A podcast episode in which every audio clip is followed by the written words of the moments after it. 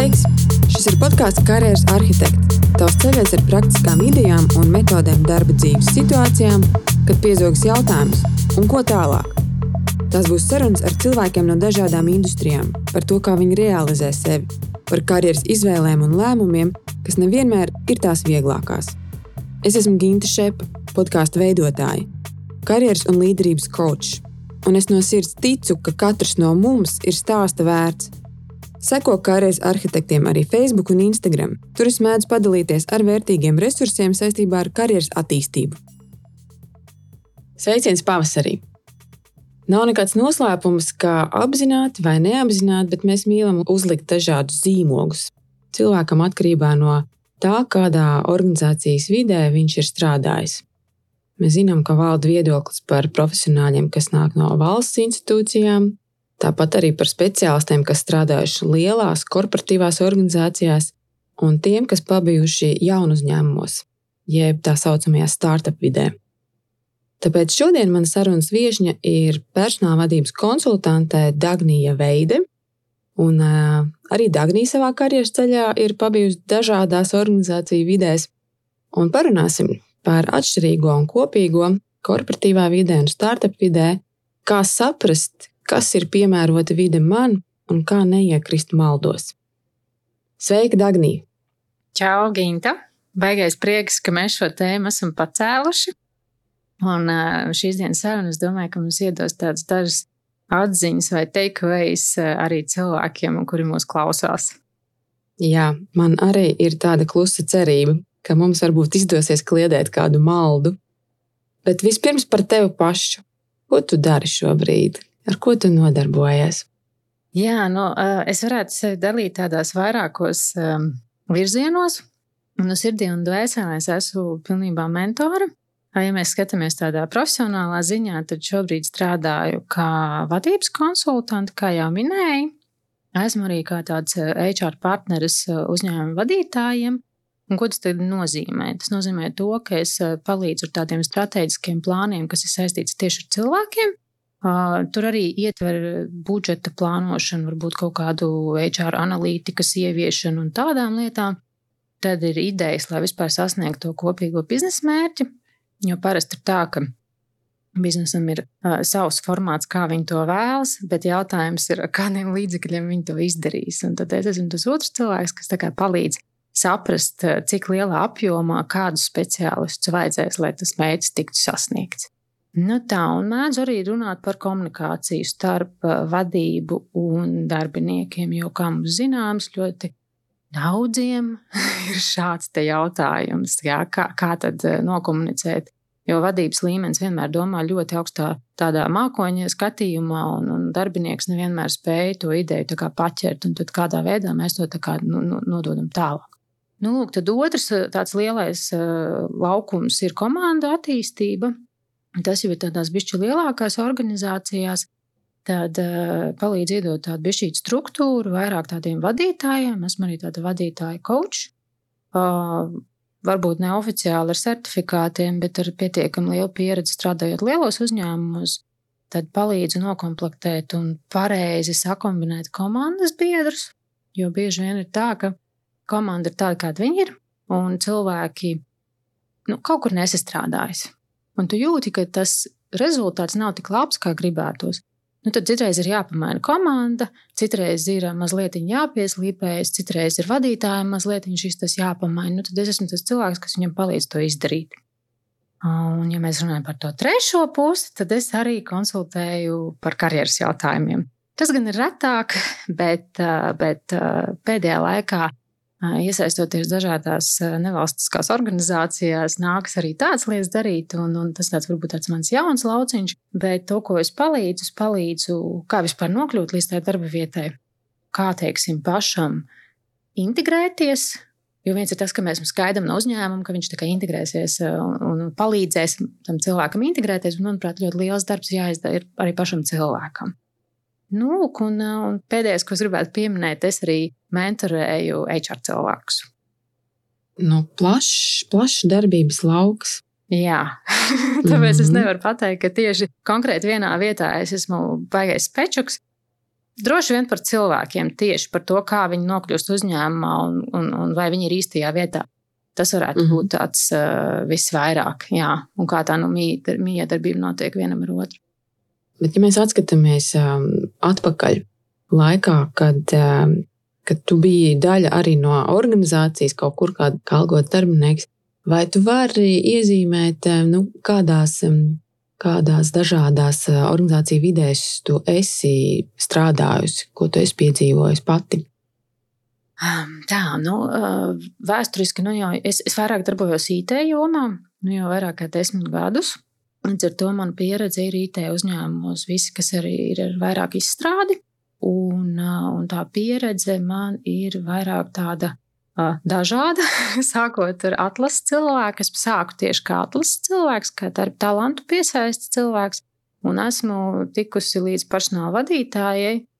Un, Un, ja man jautā, kā es tur tā kā jūtos, man tās vidas ir ļoti patikušas, jo man ir ļoti bijuši tie ambiciozi kolēģi un vadītāji.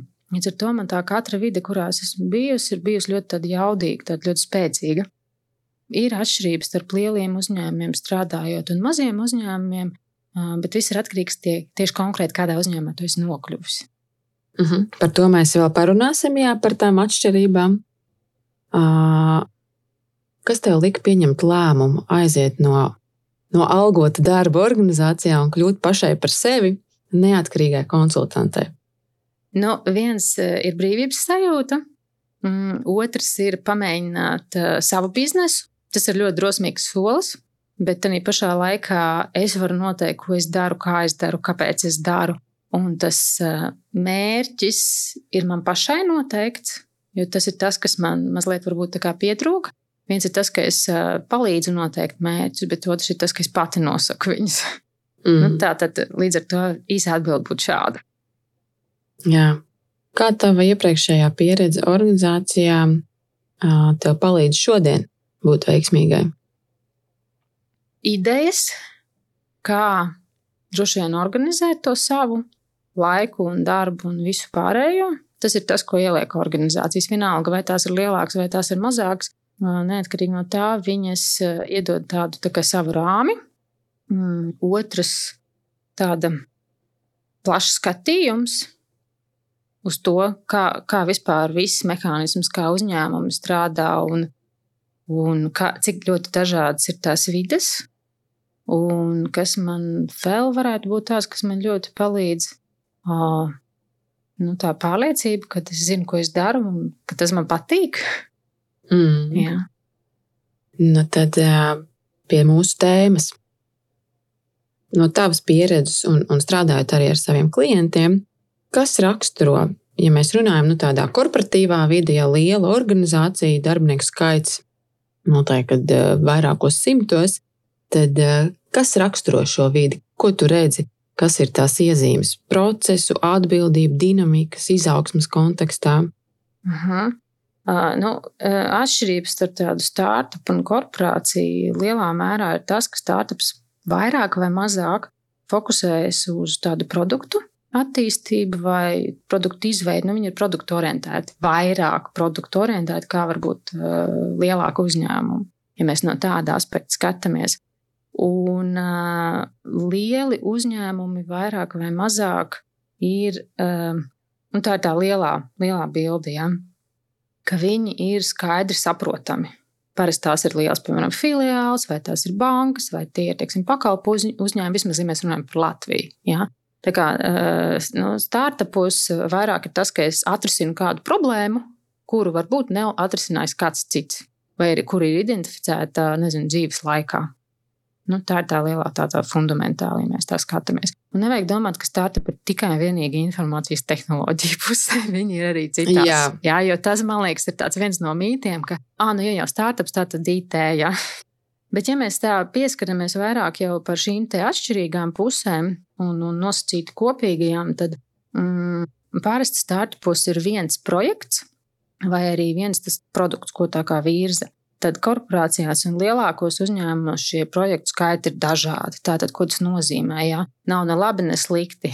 nu, ja tu teiksim, esi nokļuvis, tu vari strādāt no pie viena kur tu atdod sirdi un dvēseli, bet tu vari arī strādāt pie dažādiem, un tev ir dažādāka pieredze. Tāpēc drīzāk es teiktu, ka, ja teiksim, cilvēks izdomā, vai viņam vajadzētu iet tur vai tur, tad ir jādomā konceptuāli, vai viņam ir vajadzīgs tieši šajā momentā, un kas ir tā pieredze, ko tu iegūsi vienā vai otrā uzņēmumā. Nu, tā. Mm -hmm.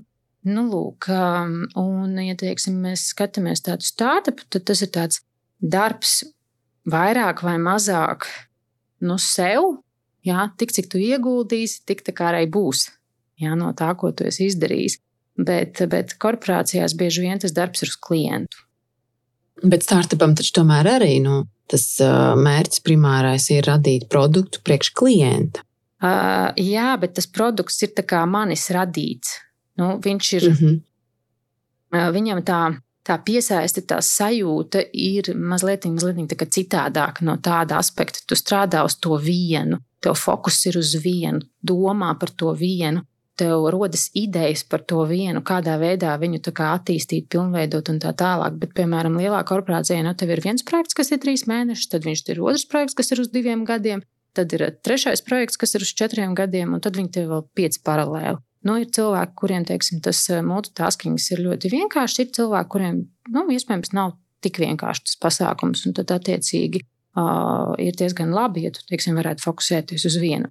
Nu, tā ir ļoti atkarīgs arī no tā, kādā līmenī tu strādā un cik tev ir pieredze. Ja tu esi jauns cilvēks, tad visticamāk tev gribēsies sākt ar vienu, bet vai tu tiec startupā, tas ir atkarīgs no ļoti daudz dažādiem faktoriem. Nu, tā. Mm -hmm. Kas attiecās uz startupiem, tad tev var mainīties arī loma un saturs. Var gadīties, ka nāk kaut kas klāt. Lielā korporācijā tev ir ļoti skaidri saprotams, ko tu darīsi, kāpēc tu darīsi, kādā veidā tu darīsi tad tev ir diezgan skaidrs amata apraksts, ja tā tā varētu teikt. Jā, jā, jā noteikti tāda ir. Jā, startupā var gadīties, ka tu atnāc kā finanšu cilvēks, beigās veids mārketingu. Jā. Nu, ja tu esi tik elastīgs un ja tev īstenībā tas vēl patīk un tev ir tā, tā atvērtā domāšana, tas eh, varētu būt ļoti, ļoti ok. Protams, tur būtu neesi eksperts, bet ja būs situācija, ka tev vajadzēs to darīt, tu to darīsi. Nu, tā. Jā, man te, ir, man te bija pavisam nesen tāds piemērs. Es arī meklēju savā komandā cilvēku, mm, HR cilvēku, un cilvēks arī tiešām bija iepriekš strādājis tādā startup vidē. Un, un, un tā, tā viņa pieredze bija, kad personāla vadības cilvēkam sanāca būt biroja vadītājiem, kancelēs mm -hmm. preces sūtīt, jaunu kafiju organizēt. Un tā skaitā arī skrūvēt datorus un vadus štepselēt un būt IT atbalsta speciālistam. Nu, tāds rīktīgs kokteils. Nu, tas droši vien ir vairāk tādiem nu, nosacītiem, jā, HR cilvēkiem, administratīviem un, un varbūt pat pišķīt finanšu un mārketinga cilvēkiem, bet, ja mēs runājam par tādiem ļoti IT cilvēkiem, tad uh, visticamāk, ka viņi vairāk vai mazāk fokusējas uz to savu darbu, uz to programmēšanu. Jā.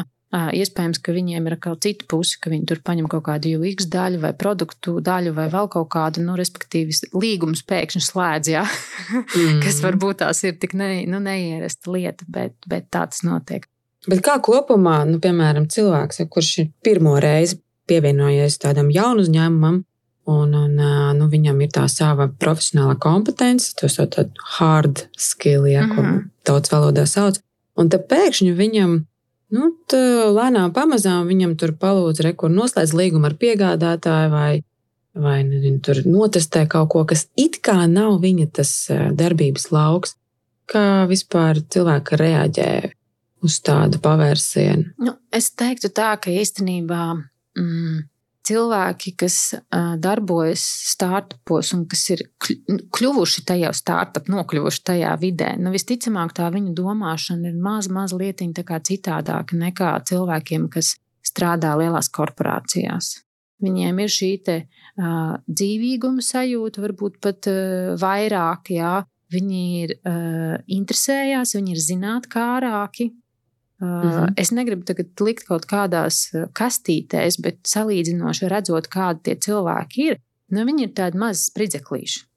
Un līdz ar to viņiem aizlikt no vienas lietas, viņš ir tik ļoti elastīgs, viņš var pārlikt no vienas lietas uz otru lietu, viņam nav pat jautājumi. Pārsvarā es domāju, ka varētu gadīties nu, tās tādas personīgās iezīmes, ka viens ir nu, viena, divi bloki, viens bloks ir šis pieredzes daudzums.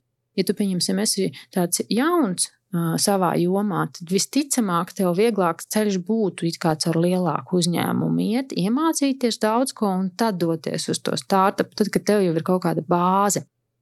Ja mēs runājam par tādiem spēcīgajiem, tad, ja viņi ir ļoti spēcīgi un viņi tagad pievienojas tam startupam, tad viņi saka, nu, ko tad es neiešu taču līgumus slēgt vai ne? Bet, nu, te ir tā domāšana, un parasti startup vadītāji ļoti skatās tās kompetences, vai ir vai nav. Vai viņš ir spējīgs būt lēkāt uz starp piecām cepurēm, jā, vai, vai nav jā, iespējams. Jā. Jā, tā kā, nu, tā. Elastība, tā, jā, tā, jā, man liekas, jā. viena tāda svarīga. Nu, lūk, un ja mēs teiksim, skatāmies arī mazliet tālāk, tad pārsvarā jau ir divi varianti. Tad, kad no, ir startup, startup pieci džeki satiekās, tagad taisam mm, startup. Zinām, jā, jā. stāsts par garāžām. jā, bet starp citu, tas arī ir tāds mīts, bet viņš ir arī daļai patiesība. Jā. Un, Jā. un, un, un tie puiši var arī nebūt tādi ļoti augsta līmeņa programmētāji. Viņi varbūt diezgan, nu, kādi 3, 4 gadi pastrādājuši tajā jomā, un, un, un tad es domāju, jā, taisam. Un tāpēc es negribētu teikt, ka vienmēr startupos ir eksperti, bet eh, šobrīd es tā sāku skatīties, ka man šķiet, ka tie startupi tomēr veidojās no tādiem spēcīgām kompetencijām, sakomplektē komandu un tad eh, taisa un veido. Nu, un tad tiem pieredzējušiem ļoti ir otra puse, ka viņi varbūt negribētu darīt to, negribētu varbūt darīt šo. Bet nu, man liekas, ka nu, mums ir jābūt eh, mazliet jāskatās ārpus tā sava lauciņa. Jā, un ja agrāk varbūt bija ļoti konkrēti noteikts, tad tagad vairs tā nav. Un arī liels korporācijas iet uz to, ka cilvēks zina ne tikai konkrēti savējo, bet viņš zina arī blakus lietas. Viņam nav jābūt ekspertam, bet viņš saprot, kas tas ir. Un īsnībā veidot to lielo bildi, kā vispār uzņēmums strādā. Jo tā ir tā arī fundamentāla atšķirība, ka uzņēmumi, kas ir jauni uzņēmumi, viņiem visiem ir skaidrs, precīzi, uz ko viņi iet, kāpēc viņi iet lielo bildi, mazo bildi, visu viņi redz. Lielos uzņēmumos bieži vien, ka tu esi maziņš mehānisms lielā tādā sistēmā, mm. tad tu pat nezini. Un jautājums ir, vai tavs vadītājs ir tik atvērts un arī stāsta. Jā, un, un, un, nu, tas ir tas plašais pasaules tvēriens, tā varētu teikt. Jā, mēs arī šobrīd, IFA, kur es strādāju, ļoti runājam un, un strādājam pie tā saucamā T veida um, attīstības modeļi, ka cilvēkam tiešām ir, ir, ir attīstīta, nu, viņam ir tā sava um, profesionālā kompetence, bet nākamais tas viņa attīstības ceļš ir iet plašumā, horizontāli, kur viņš var plašāk tās savas zināšanas un prasmes pielietot un mācīties jaunas. Mhm. Kas, teiksim, ir varbūt tāda forša lieta, kas ir lielās, lielos uzņēmumos, ka viņam ir iespēja tam jauniem cilvēkam mācīties, un viņam ir iespēja kļūt par ekspertu tajā jomā, kurā viņš darbojas. Jā, vienalga, vai tas ir HR vai mārketings vai vēl kaut kas, jo lielās organizācijās šīs funkcijas tiek sadalītas. Kas attiecās uz startupu, viņš uzreiz paliek cilvēks orķestris, kurš, piemēram, ja viņš zina mārketingu, viņš dara visu mārketingā. Ja viņš ir finansists, viņš dara visu. Ja viņš tur IT vadītājs, bet viņam varbūt ir arī jāprogrammē vēl vis kaut kas cits jādara. Tā kā, nu, no tāda aspekta skatoties, tiem, kuri mācās, tad viņiem varbūt ir vieglāk un foršāk lielās organizācijās to izdarīt. Mm -hmm. nu, tā, mhm. nu, kas attiecās vēl, tad ir tāda mm, startupos tāda svarīga lieta kā proaktīva pieeja. Un tāda augsta spēja pašorganizēties, un tas multitaskings, nu, to jau kā sajūta caur tā sarunu. Mm, ja. mm. Tad pašā laikā lielās organizācijās it kā viss ir saplānots un, un, un, un saturs un viss ir zināms, bet arī pašā laikā, par cik arī lielās organizācijās notiek viss ļoti ātri. Es negribētu arī mazliet jaukt šo mītu par to, ka lielas organizācijas ir lēnas un startup ir ātri. Ja? Jā, jā. Esmu strādājusi arī ļoti lielās organizācijās, un ir ļoti dinamiska vide, un, un, un negribētu galīgi teikt, ka tas ir lēni. Bet, bet iespējams, ka tev to daudz ko iemāca iemāc to struktūru, iemāc to uh, darbu plānošanu, laiku plānošanu, visu pārējo startupā, tev esot, vai nu tev ir ļoti ātri jāielēc tajā, uh, vai arī tev uh, ir pašam jāiemācās. Nevienmēr tev būs blakus kāds, kas tev varēs iemācīt. Ok. Jautājums. Kurā brīdī startups um, pārtop par organizāciju, ko mēs varam saukt, kad un, nu, tur jau ir jau tāds jau velk uz korporāciju. Tas var būt tāds liels vārds, bet nu, brīdis, kad uzņēmums saprot, ka mums ir jāsāk iedibināt kaut kādas procedūras, vadlīnijas, procesus, sakārtot. Mm -hmm. Kā tu redzi? Nu, es negribētu baigi skaļi izteikt tādus konkrētus minējumus, jā, saskrīgs no tās pašas, no šī startupa. Bet es zinu, ka citi sauc sevi par startupu arī pie tā, ka viņi ir 200 cilvēki. jā. jā, un pasaules mērogā tādu ir daudz, bet es domāju, nu, kas ir tādi pirmie signāli, kas, kas, kas signalizē, ka klau, nu, mēs vairs tā nevaram. Sanākam kopā pie aliņa un izdomājam, kā kad mm. nu, mums tomēr vajag jau kaut ko sakārtot. Nu, šī, šī daļa varētu būt, ka tā arī paliek tāpatās. Bet, bet, ja mēs runājam par to, ka nu, varētu gadīties, ka ir nepieciešams HR, un varbūt gadīties, ka vajag tur pišķīt kā kādu vēl finanšu cilvēku, tādu nopietnāku, un, un varbūt vēl kaut kādus konsultantus piesaistīt, Nu, es domāju, ka ap kādiem 60, 70 cilvēkiem tas varētu būt tas skaits, kad eh, nu, viennozīmīgi, ka jau, jau kaut ko pišķīt vairāk. Bet es zinu startupus, kuriem ir pie 30 jau vajadzīga sistēma un skaidri rāmi, jo īpaši, ja, piemēram, strādā ārpus Latvijas, respektīvi, startups sastāv no 30 cilvēkiem, bet uh, eh, 20 no viņiem atrodas visās pasaules malās. Pirmkārt, tās ir kultūras atšķirības, cilvēku atšķirības, ne tikai mentalitāte, bet vispār vēl personības un, un darba stili ļoti atšķirās, ja, kas jāņem vērā. Un tādā situācijā es pat teiktu, ka pie mazāka skaita varētu būt vajadzīgs atbalsts jau, tu, ka tu varētu sastruktūrēt tāpat kā procesu. Pēkšņi vajag ceļot, kā to darīt. It kā ļoti elementāri, līdz šim mēs vienkārši piezvanījām draugam, draugs teica, jā, lūk, mhm. biļetes, mm -hmm. un te viss ir. Nu, tā ir tāda, es jau teiktu, ka nu, kaut kādā mērā HR puse. Jā. Laika zonas. Oi, tas arī. es zinu, kas ir strādājuši, jā, piemēram, tur Amerikā vai Austrālijā. Ja, nu, tas ir nu, pilnīgi, pilnīgi savādāk organizēt to darbu. Mm -hmm. Tādas lietas. Ok. Tu jau nedaudz pieskāries par maldiem. Es domāju, nu, kas ir lielākie maldi, kas varbūt tur arī atlasē strādājis, ir cilvēkiem par darbu lielā organizācijā. Viens tu pieminēji to, to ātrumu, to tempu, to dinamiku. Ja?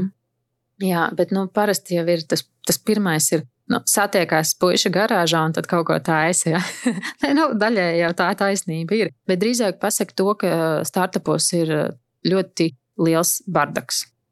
Nu, es, ir dzirdēts, jā. jā nu, es īsti tam gribētu tikai daļēji piekrist, jo tie cilvēki drīzāk tas tā, tā, tā, tā sajūta, ka tur viss ir tādā haosā, šķiet tāpēc, tāpēc ka startup ir ārkārtīgi ātri mainīt var savu virzienu. Respektīvi, ja lielos uzņēmumos uz kļūdām izmaksas ir lielas, tad mazos uzņēmumos izmaksas uz kļūdām ir ļoti mazas vai pat niecīgas. Līdz ar to tas nozīmē, to, ka, ja mēs izdomājam šādu virzienu un esam izlēmuši, ka mēs darīsim tā un tā, mēs varam izmainīt ārkārtīgi vienkārši. Lielā uzņēmumā šis viss ir jāpārdomā 15 reizes, jāpakonsultējas vēl ar desmit cilvēkiem, jāpieņem lēmums, un tikai tad to var izdarīt. Protams, tas procesa ilgums uh, var būt ilgāks vai vai, vai īsāks. Tas ir atkarīgs no tā, cik vadība ir spējīga ātri pieņemt lēmumus. Esmu strādājis arī lielos uzņēmumos, kuros lēmumu pieņemšana notiek ļoti ātri. Tā kā man varbūt mm. ir ļoti paveicies šajā jautājumā. Bet, bet tā ir tā lieta, kas ir nu, jāņem vērā. Jā. Un es domāju, ka viņi pietiekami fokusēti strādā, viņi ļoti uh, disciplinēti strādā. Kā jaunu uzņēmumos, jo viņiem ir vajadzīgs sasniegt šo rezultātu. Un to rezultātu vajag tiešām ātri. Un tas nav tā, ka viņiem ir uh, laika tur, uh, nezinu, sēdēt, dzert kafiju. mm -hmm. Ok, tā tad uh, tas mītis maldīja par to, ka tas ir viens tāds liels bardaks. Uh, tas, tas tiešām tur ir savs izskaidrojums, nu, tā ātrā uh, spēja reaģēt un mainīt kaut kādas lietas. Uh, un tā, ka tur mazāk varbūt cena riskam, ko viņi uzņemas. Mm -hmm. Vai ir vēl kaut kas? Noteikti es gribētu pieminēt to, ka ir tāds sajūta cilvēkiem, ka nu, viņi tagad jaunu uzņēmumos ir tikuši pie naudiņas, un ka viņi tagad tērē viņu. Jā, ir, nezinu, vai esmu dzirdējusi, bet, bet ir arī tāds uh, cilvēki, tādas lietas runā. Un es gribētu teikt, ka, nu, ja viņi tiešām to naudu ir dabūjuši, tad viņiem ir ļoti stingri pateikts no otras puses no šiem investoriem, kā kam kasam ir jāizskatās, kāpēc ir jābūt tā. kādiem ir jābūt rādītājiem un cik ilgā laikā. Protams, atkarīgs no startupa un vis, ļoti daudziem faktoriem, bet kopumā skatoties, tev ir jāzina, kur tu tērē, kā tu tērē, un tam jābūt caurspīdīgam. Tā tas mm -hmm. tāds arī ir neliels mīts par to, ka nu, viņiem tur viss notiek tā apmēram kaut kā. Jā, Jā un, un, un tas, ko es esmu vēl dzirdējusi, ka nu, vadība ir neiecietīga, viņi tur nedomā par izaugsmi, tur mēģina cilvēku varētu teikt, nodarbināt tā, ka viņš nejūtās labi. Jā. Nu, tam es galīgi negribētu piekrist. Jo kur ir atšķirība varbūt starp lielu organizāciju un, un jaunu uzņēmumu? Cilvēkiem nu, acis mirdz par to, ko viņi tur dara. Un parasti, ja tiešām viņi ir sagājuši kopā desmit cilvēku vai pieci, tad viņi stāv un krīt par to produktu. Un ar to viņiem ja viņiem gribas strādāt, viņiem tiešām tas patīk, viņi to dara.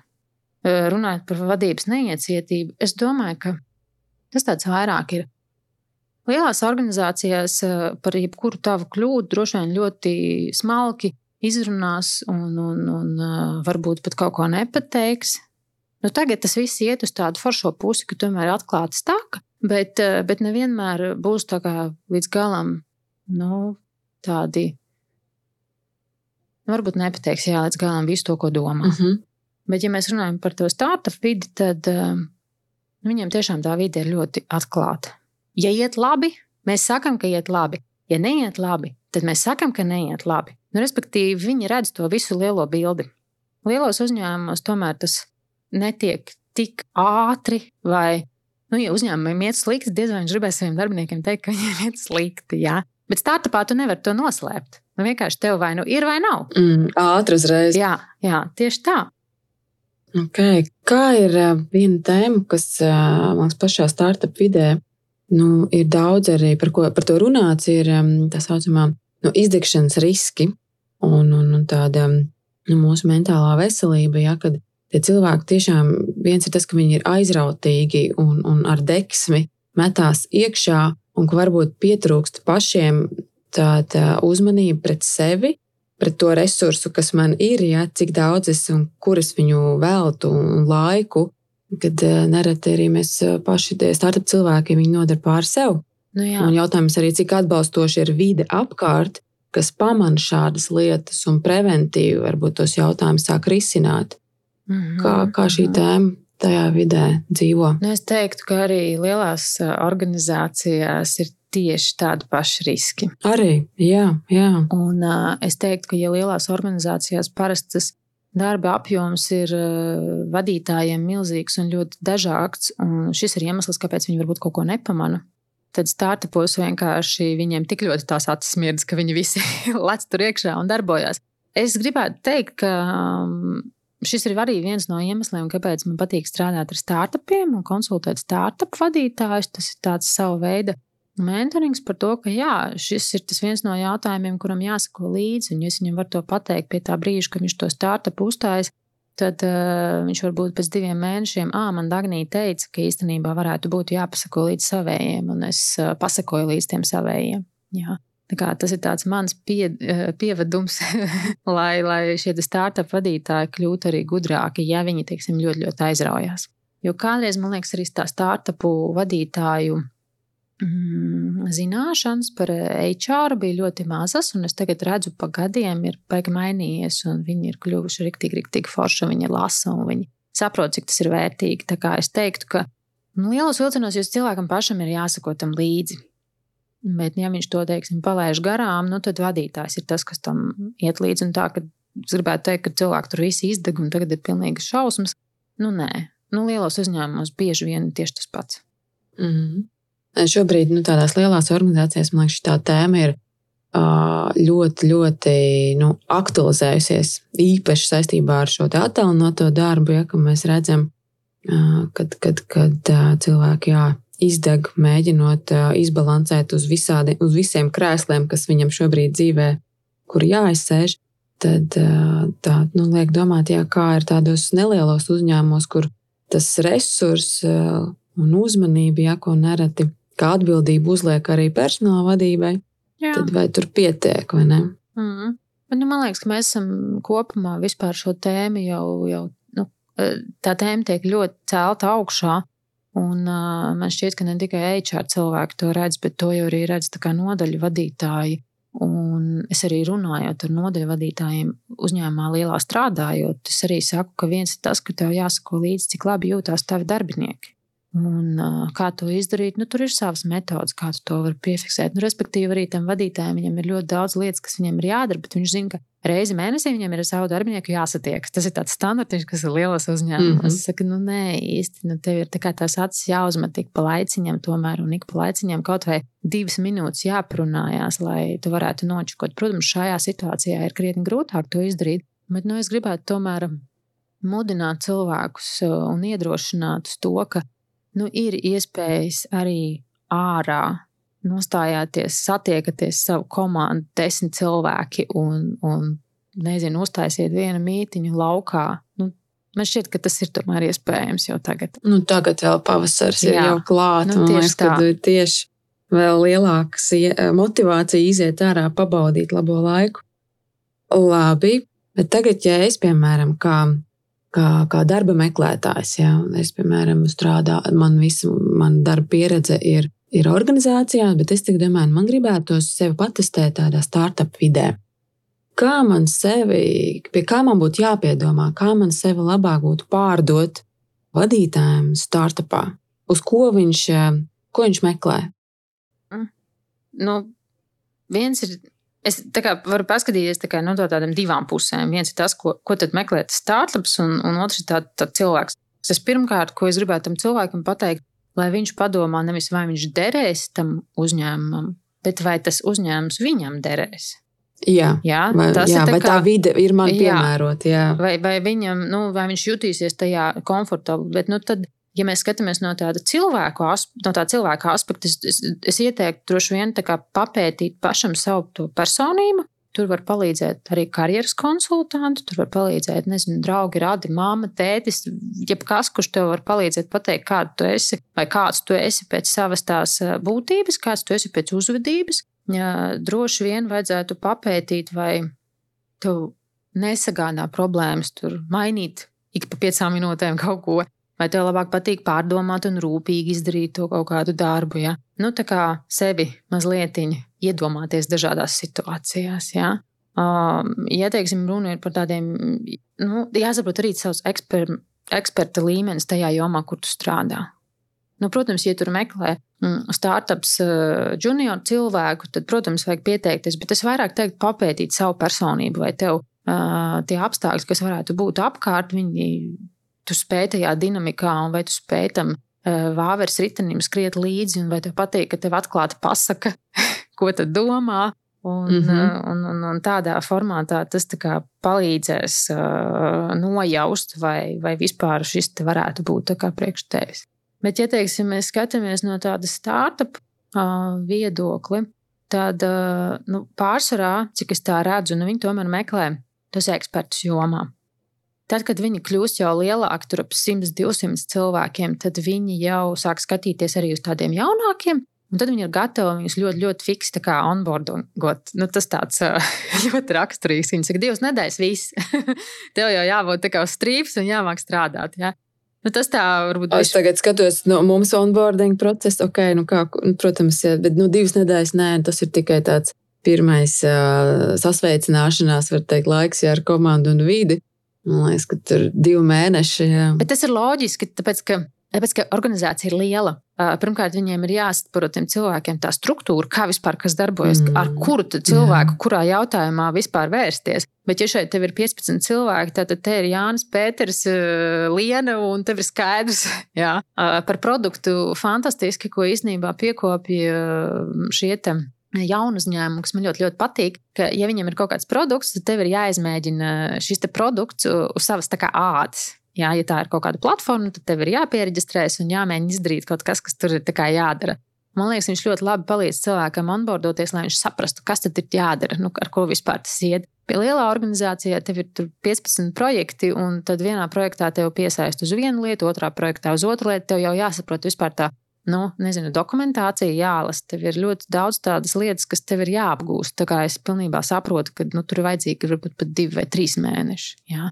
Un vēl jau ir mhm. jāsastrādājas ar komandu. Iespējams, tev komanda ir tur 15, 20 cilvēki. Tad tev ir vispār jāsaprot, kā ar viņiem runāt, un kā uzvesties, un kā pašam sajusties tajā visā. Un vēl tev ir pašam tā, tā darbs, nu, ja tu esi programmētājs, tev ir jāsaprot, kāds ir tas raksturs, kā cilvēks šeit programmē. Nu, no tāda aspekta. Mm. Tā kā nu, startupos ir ātrāk. Tā, tā in integrācijas lieta, Jā. ko tu sākumā pieminēji. Jā. Tev ir kāds uh, interesants piemērs, ko tu esi dzirdējusi uh, no, no, no startupiem, jā, kuri liek kā, pamēģināt uh, jauniem darbiniekiem savu produktu, un tur kaut kāda pieredze ir bijusi kā rezultātā. Varbūt cilvēks ir sapratis, ka nē, tas nav mans tomēr.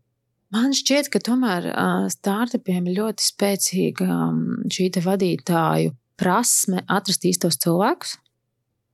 Viņi viņus tā kā sajūt, un, un tāpēc arī viņu jautājumi intervijās nekad nebūs standartā. Mm -hmm. Viņi var pajautāt kaut ko tādu, ka tev liksies, wow, no kurienes. Un, ko, un kā tagad man atbildēt, lai es justos vispār, nu, vai kāda būs tā pareizā atbilde? Bet uh, līdz ar to uh, mēdz būt tā, ka tu sāc strādāt, viņi uzņemas tos riskus, un tad viņi saka, jā, nu tiešām nesanāk. Bet, uh, ja mēs runājam par tādiem konkrētiem produktiem, kas tiek izmēģināti, es zinu, ka Printfejā tā ir. Jā, ka viņi iedod tev iespēju. Varbūt šobrīd kaut kas ir pamainījies, bet kaut kādā mirklī viņiem bija. Tā kā man liekas, tā tāda forša lieta. Mm. Tas tev uzreiz parāda, kā tas darbosies. Jā.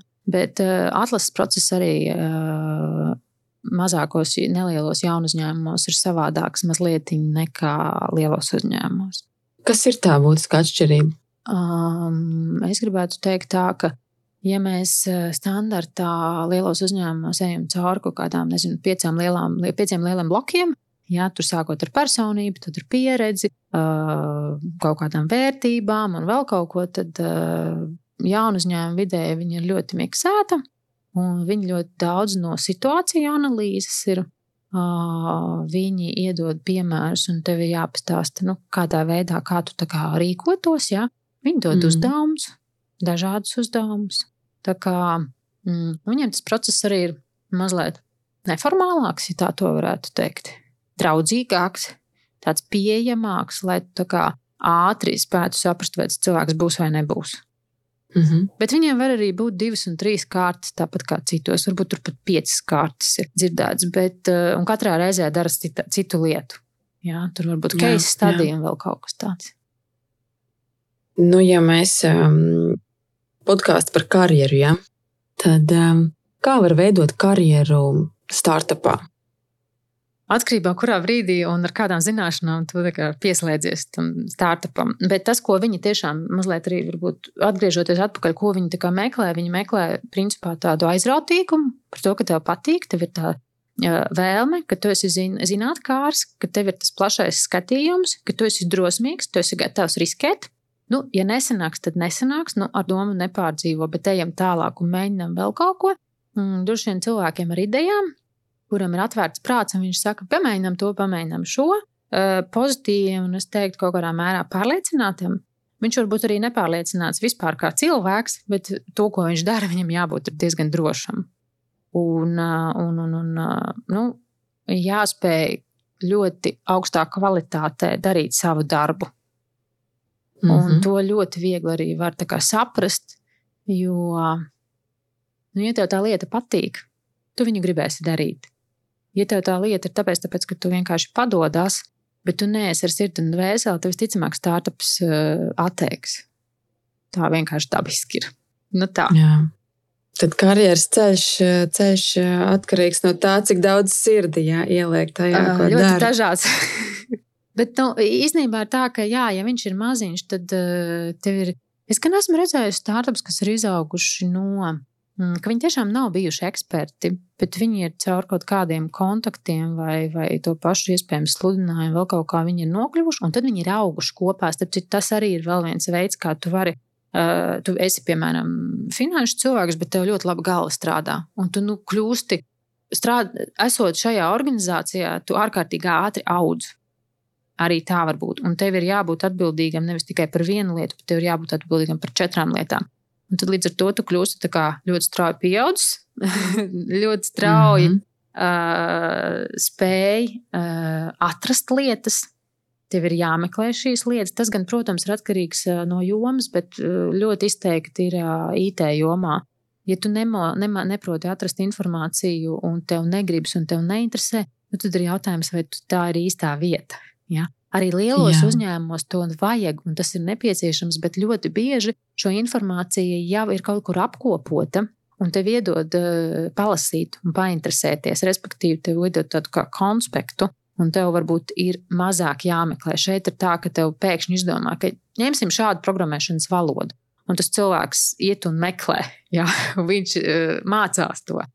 Tagad arī ir jauna, lielajos uzņēmumos, kādreiz tā bija mazāk. Katrs fokusējās uz savu. Ja viņš ir PHP, viņš ir PHP, ja viņš tur Java, tad viņš ir Java, un, un saps ir saps. Tad šobrīd es jau redzu, ka nu, tev bišku jāzina no tā, un bišku jāzina no tā. Tā kā to jau arī sākumā minēja, ka nu, tu, tu neesi, nefokusējies tikai uz vienu, bet tu bišku vairāk mhm. skaties mm. kā, plašāk. Nu, tā, tā kā es teiktu, ka tas ir atkarīgs no drīzāk no personības, ne tik daudz no nu, tā, ka tu tagad vai nu varēsi, vai nevarēsi. Nu, Jā. Tu jau nevari zināt, nu, ja tu nepamēģināsi, tad tu nezināsi. Bet tev ir jābūt kaut Tieši kādām pamatkompetencēm, pamatlietām. Uh, un, nu, tu nevari būt mūžīgs pesimists. Nu, ja tu esi tāds pēc dabas un, un varbūt mm, kādā analītiskā vai mm, vispār analītiski ir diezgan kritiski, ja? ka tie varētu derēt. Mm. Varbūt, ka tev nemaz nevajag. Tev arī varbūt uh, arī startupā, starp citu, var būt tāds cilvēks. Bet eh, tev jābūt tādam ļoti, ļoti dzīvam. Jā. Nu, tā ir varbūt tāda. Mm -hmm, Bet arī mm -hmm. lielos uzņēmumos ir tas dzīvīgums svarīgs. Tā kā es nevaru teikt, vienkārši tā, nu, tā atšķirība, ka varbūt mazliet viņš ir tāds uh, sprākstošāks, nu tā varētu teikt. Ok. Nu, tad nobeigumā man jāpavaicā tev pašai. Tu vairāk sevi redzi tādā startup vidē, vai tu labāk jūties tādā sakārtotā organizācijas lielā mērogā. Man līdz šim ir nācies sakārtot lielas lietas. Un tad, kad esmu bijusi lielā uzņēmumā, tad man nav izdevies sakārtot, tāpēc, tāpēc ka uh, nu, ir kaut kāda politika, kur tu nevari mainīt. Un tas ir piemēram starptautiskā līmenī, un ir pieņemti tādi lēmumi, kādi viņi ir pieņemti. Bet nē, īstenībā es esmu ļoti pateicīga visiem saviem darba devējiem īpaši vadītājiem, jo viņi ir man uzticējušies, un tā man liekas lielākā vērtība vispār un lielākā laime, ka tev tiešām uzticās un tās idejas, ko tu pasniedz un, un, un dod, ka viņas e, iespēja robežās e, ir realizējamas. Bet atbildot uz jautājumu, vairāk es sevi redzu startupu vidē nekā lielā organizācijā. Nu, re. Tu sevi, sevi esi kaut kur piemērījusi un saproti, ja, kas tev dara. Bet šobrīd es esmu pa vidu. tu esi pa vidu, jā. jā. Oi, nu paldies tev! Paldies tev milzīgs par, par ieskatu abās vidēs, jā, un jo īpaši tajā startup dinam, dinamiskajā vidē. Un es ceru, ka mums izdevās sarunas gaitā kādu mītu kliedēt un arī ienest nu, vairāk tādu skaidrību, ar ko, ar ko rēķināties, kam gatavoties un kā varbūt, jā, bišķiņi pret sevi pamērīt, kura vide tad vairāk man der. Un, un tev pašai gribas novēlēt Nu, lai tev ir uh, daudz jaunu un interesantu klientu, kuriem palīdzēt, palīdzēt tajos jautājumos, ko viņi risina šobrīd. Jā, paldies. Nu, tāds mazs komentārs, tas, ko es gribu, es gribu tiešām iedrošināt, ka, ja tu esi, piemēram, lielā organizācijā, tas nenozīmē, ka tu nevari aiziet uz startupu. Un, ja tu esi startupā, ka tu nespēsi iekļauties mm. kolektīvā, kas ir liels, es drīzāk teiktu, ka tādā gadījumā ir jāsaprot tā saturs tam, ko tu darīsi. Un tad, kad notiek šīs intervijas, tad tiešām uzdod daudz uh, jēgpilnus jautājumus, kas palīdzētu tev izprast gan to vidi, gan to uh, darba stilu, gan, gan, gan to visu uh, nu, pasākumu, lai tev būtu skaidra bilde. Un tad jau tad tikai jautājums ir pieņemt lēmumu, darīt to vai darīt to. Jā, jautājumi ir ļoti laba lieta, ko intervijās izmantot. Man arī patīk kandidāti, kas uzdod jautājumus. nu, ko? Nu, paldies tev! Jā, paldies! Un ar tevi, klausītāji, tad mēs tiekamies jau nākamajā stāstā. Atā! Čau!